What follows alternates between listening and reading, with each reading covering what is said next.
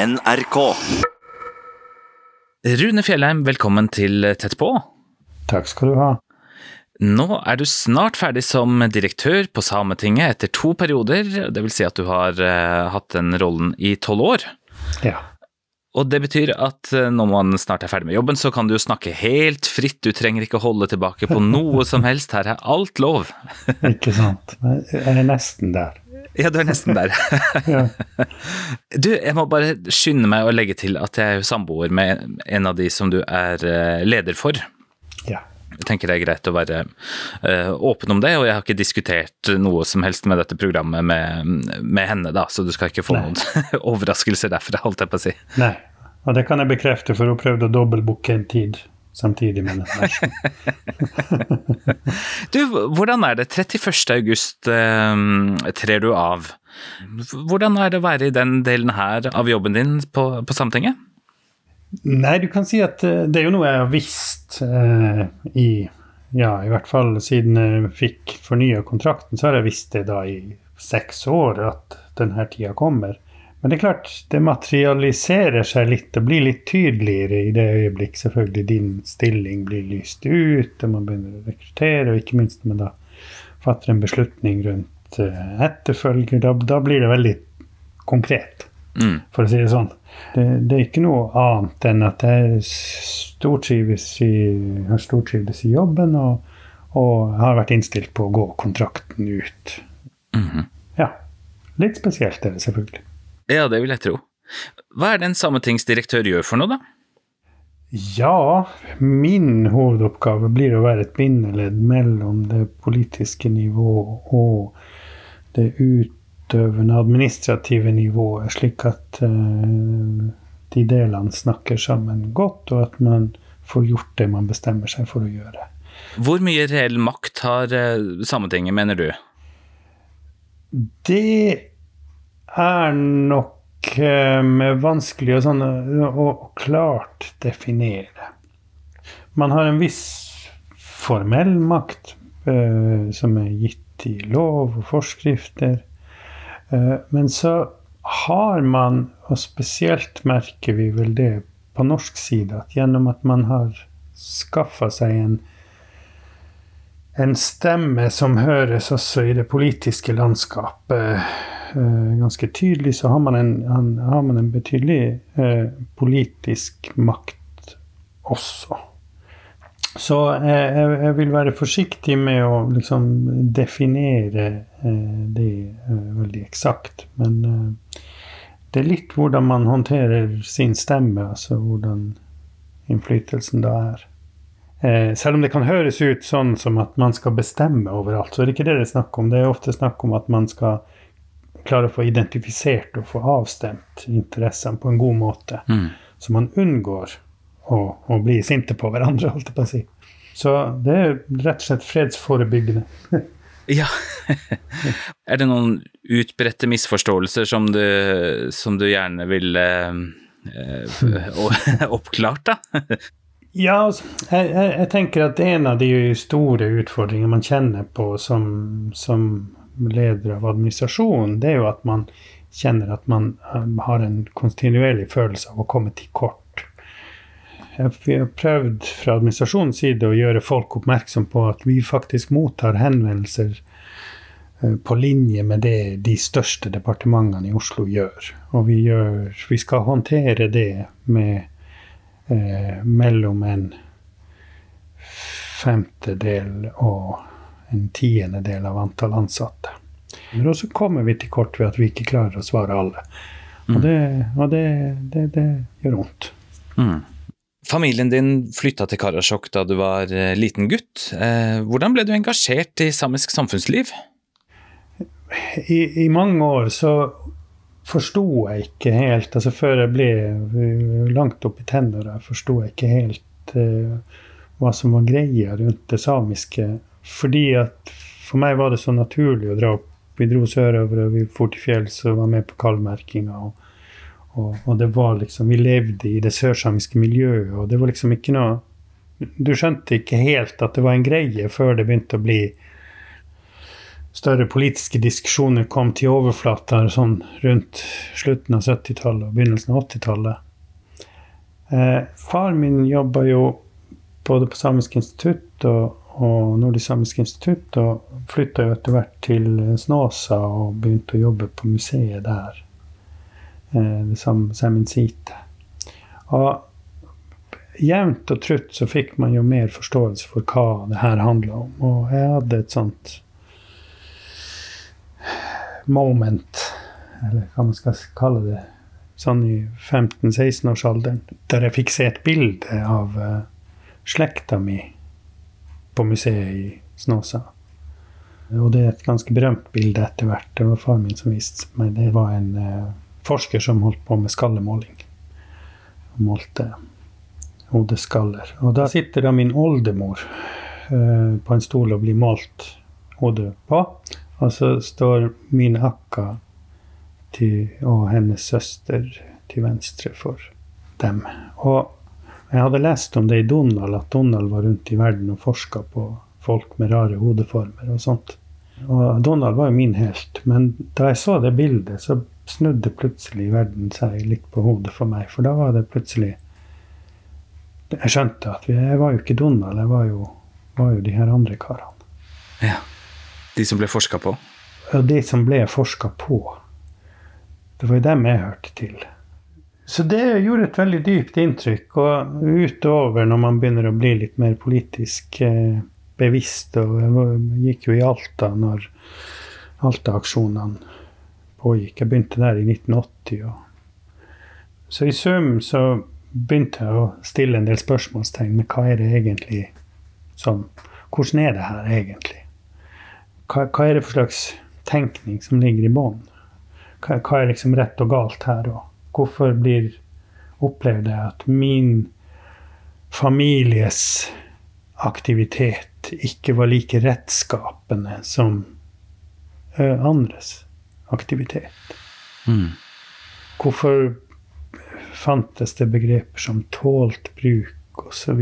som man bruker om å beskrive bruksrett osv. Når man begynte å studere hva er lese seg opp på hva er eiendomsrett osv. Hvordan oppsto den? Jo, det er bare det å bryte land som skaper noen slags form for rett. Og, ja, hvorfor det?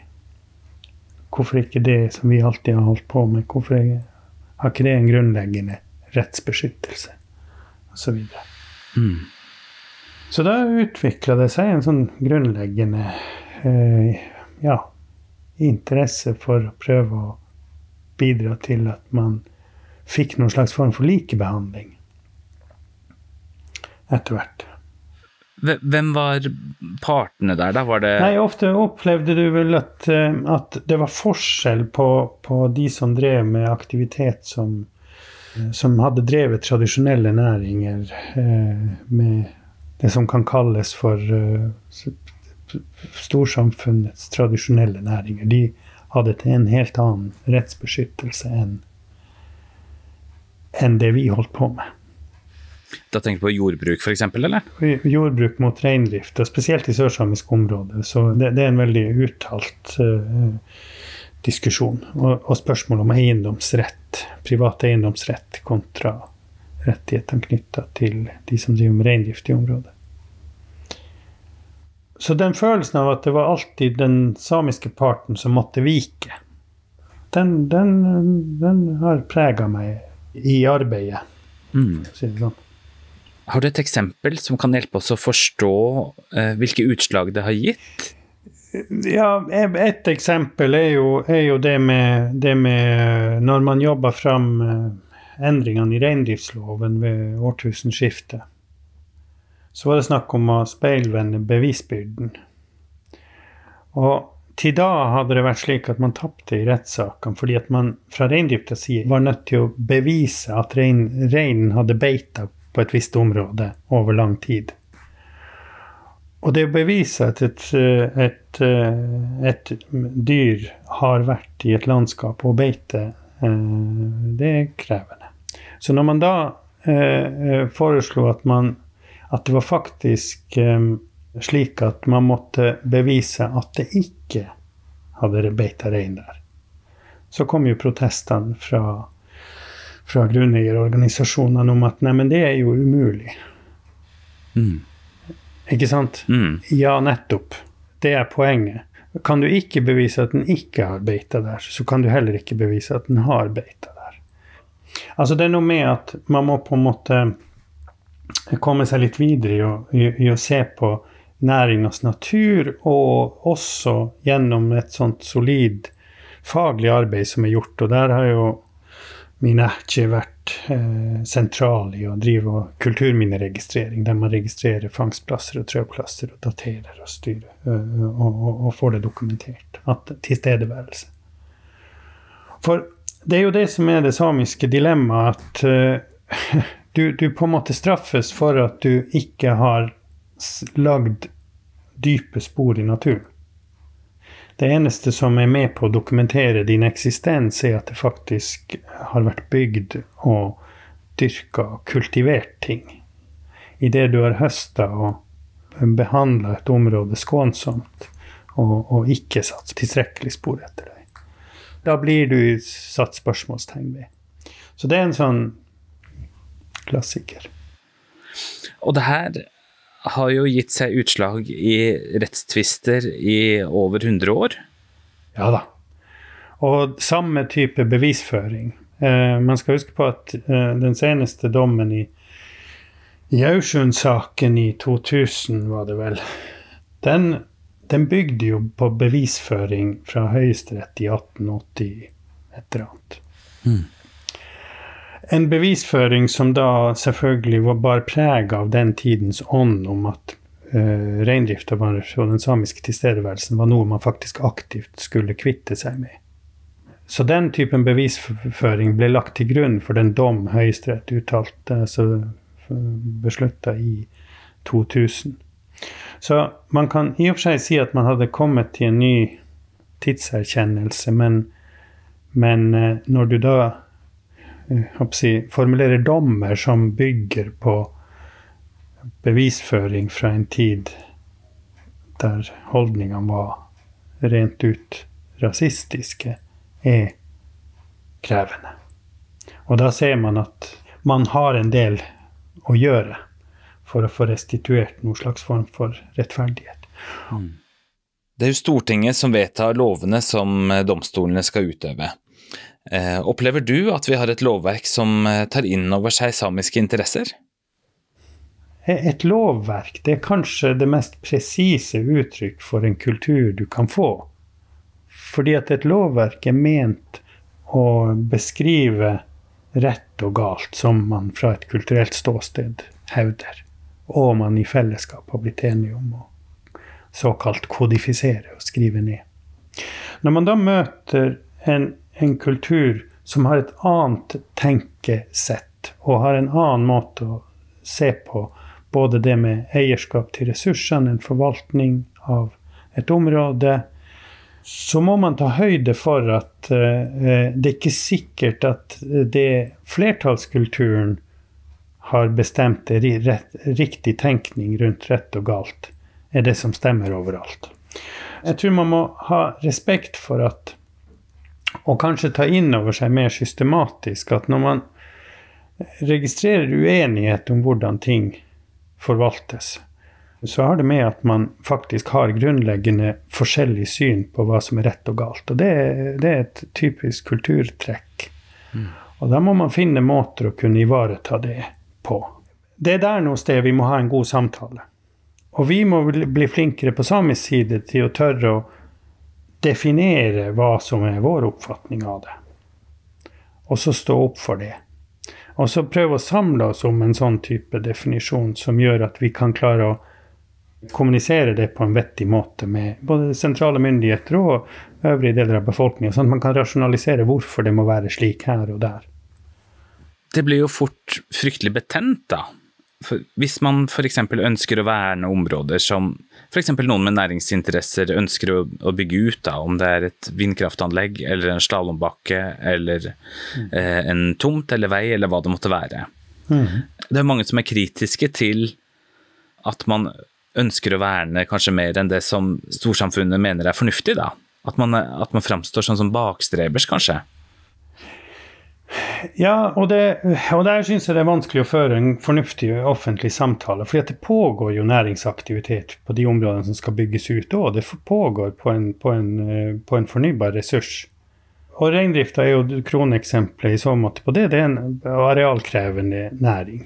Mm. Men hvis vi går tilbake til Røros og bruker det som eksempel, så er jo Røros etablert som en gruveby. Ikke sant? Mm. Det var reindrifta som så til at de første som kom dit og skulle, benytte, skulle begynne å bruke den ressursen, klarte å overleve de første vintrene. Eh, det er dokumentert at de kom, eh, reindrifta kom og leverte eh, kjøtt og, og, utstyr, sånn at de var i stand til å overleve i det ugjestmilde Rørosområdet på den tida. Så etablerer man jo gruvedrifta, og den ekspanderer, og etter hvert etablerer man andre næringer. Og så begynner man å identifisere reindrifta som noe som står i veien for den aktiviteten. Og det er på en måte krevende da uh, å, å, være en næringsaktivitet og en, og en livsnerve som, som, på en måte har vært til hjelp i visse perioder, og så det, eh, blir du plutselig i veien. Og så tas du fram og brukes uh, positivt senere. Eh, men jeg vil bare påpeke én ting. At gjennom Røros 400-500-årige historie som tettsted og, og, by, så er det jo bare én næring som har overlevd samtlige næringer i Røros. Gruvedrifta fins ikke som drift lenger. Det fins andre typer industrier som har kommet og gått. Jordbruket sliter. Og, og kontinuerlig da blir presentert som den næringa som kanskje er i veien for andre næringer, det er krevende. Jeg krever at det skal være en likeverdig diskusjon rundt det her. Mm. Reindrifta leverer 100 direkte og indirekte arbeidsplasser til Røros. Hvilken annen industri ville du presentert som en som er vanskelig overfor andre? Mm. Som leverer 100 arbeidsplasser. Mm. Still deg det spørsmålet om hvorfor er en næring som driver på en fornybar eh, ressurs i en region, omtalt som negativ til utvikling, mot det ene og det andre, da er du på en måte ikke like god lenger som andre næringer. Og det er der noe sted jeg syns samtalen blir vanskelig. For da snakker du ikke om det som næringspolitikk lenger. Da snakker du det, om det som oss og dem. Og da er det noe annet. Mm. Man må forstå at man fra samisk hold også tenker litt oss og dem når man opplever å bli plassert eh, i, i, en sånn. Ja. Og så er det noe med reindriftas natur at eh, den må alltid avgi areal. Det blir aldri mer reindriftsareal.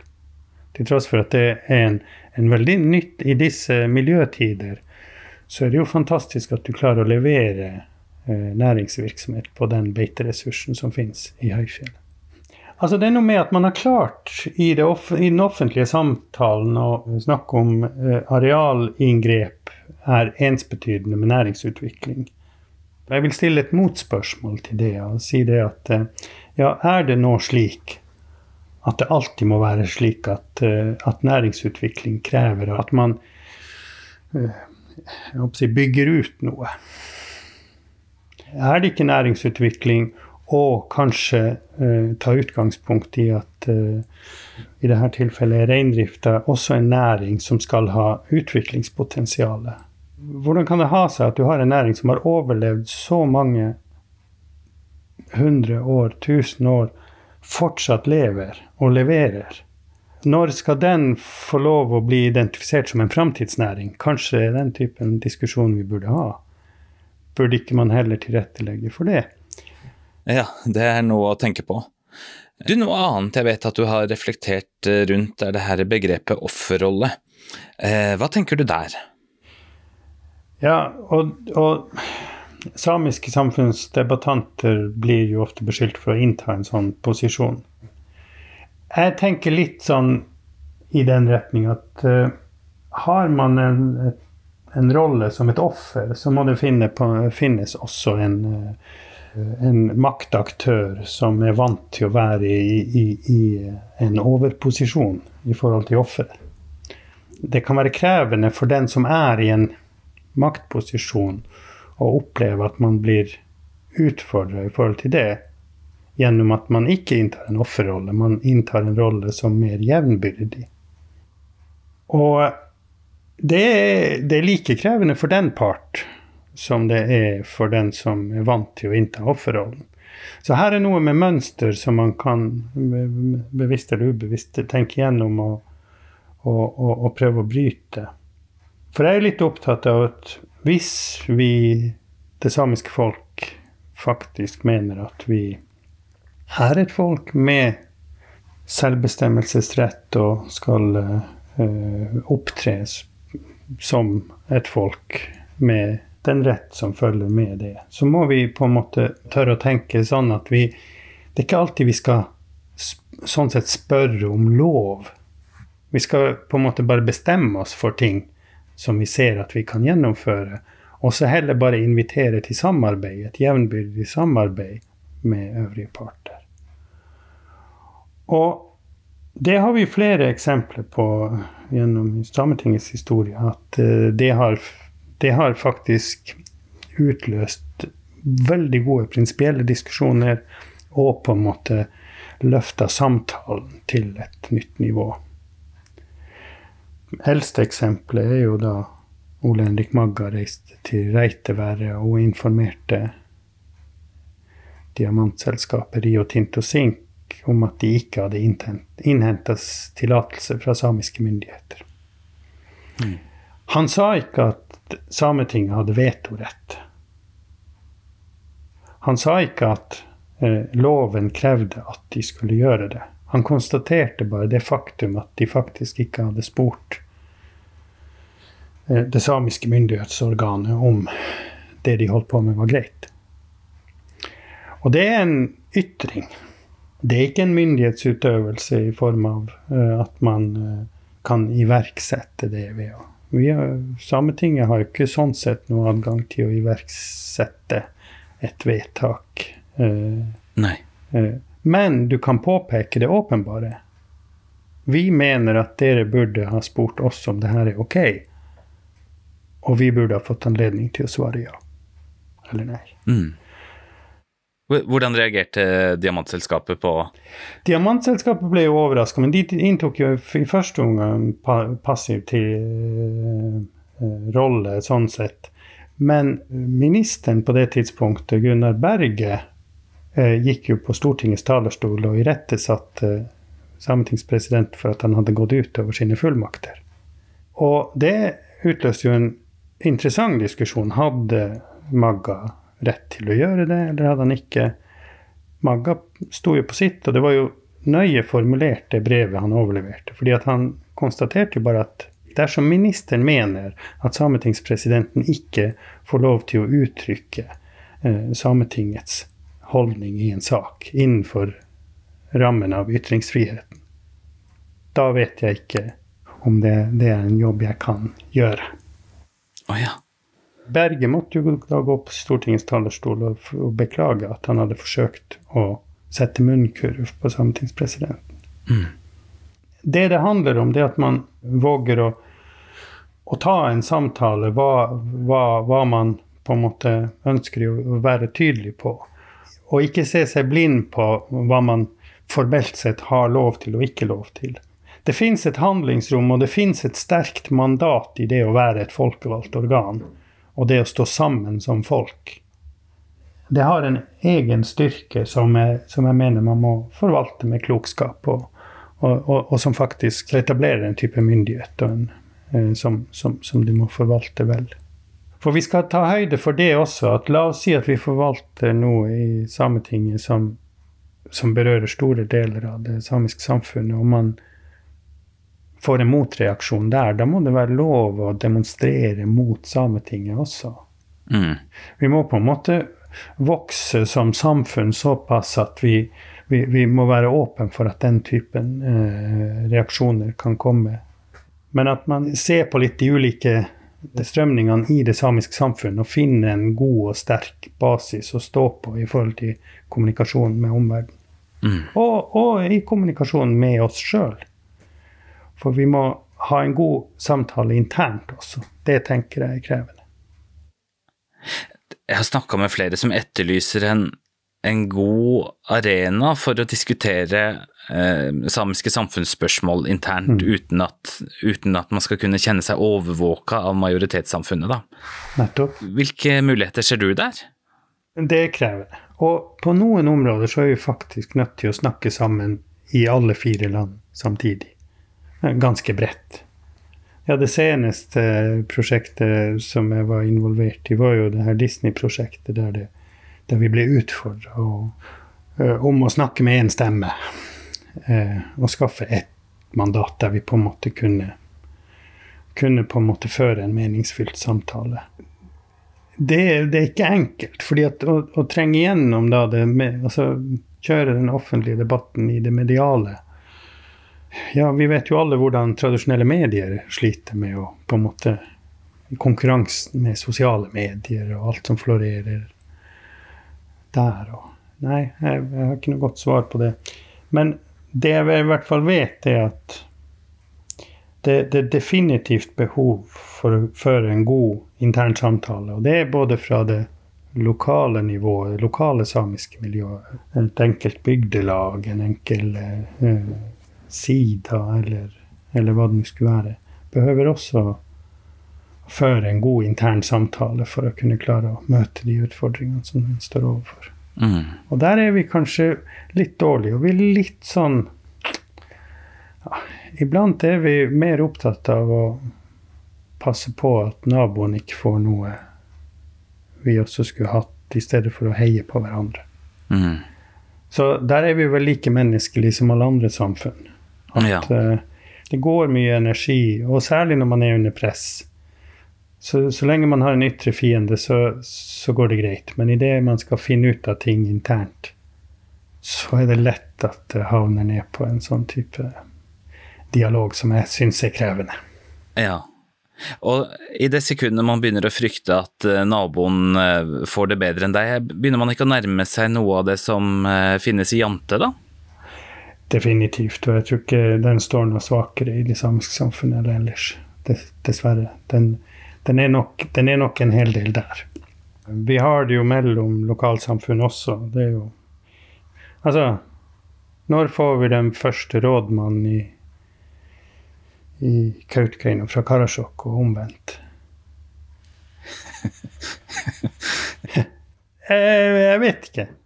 Jeg bare, det bare slo meg her om dagen at det var kanskje ikke så, så lett. ja, det er sant. Du, 31. august, siste arbeidsdag som eh, sametingsdirektør. Hva, hva skal du gjøre 1. september, da? Ja, si det. Har du fått deg jobb? Nei, jeg har okay. ikke fått meg jobb. Jeg, jeg tenker jeg nok skal ta meg litt tid å sparke småstein. Jeg skal prøve å stå distansen ut og på en måte være på jobb til siste dag, og så får jeg ta det litt derifra. Du får ha lykke til videre der, eh, Rune Fjellheim. Tusen takk for at du var med i Tett på. Ja, Jeg heter Svein Lian. Tett på fra NRK Sápmi er produsert av 1 til 1 Media.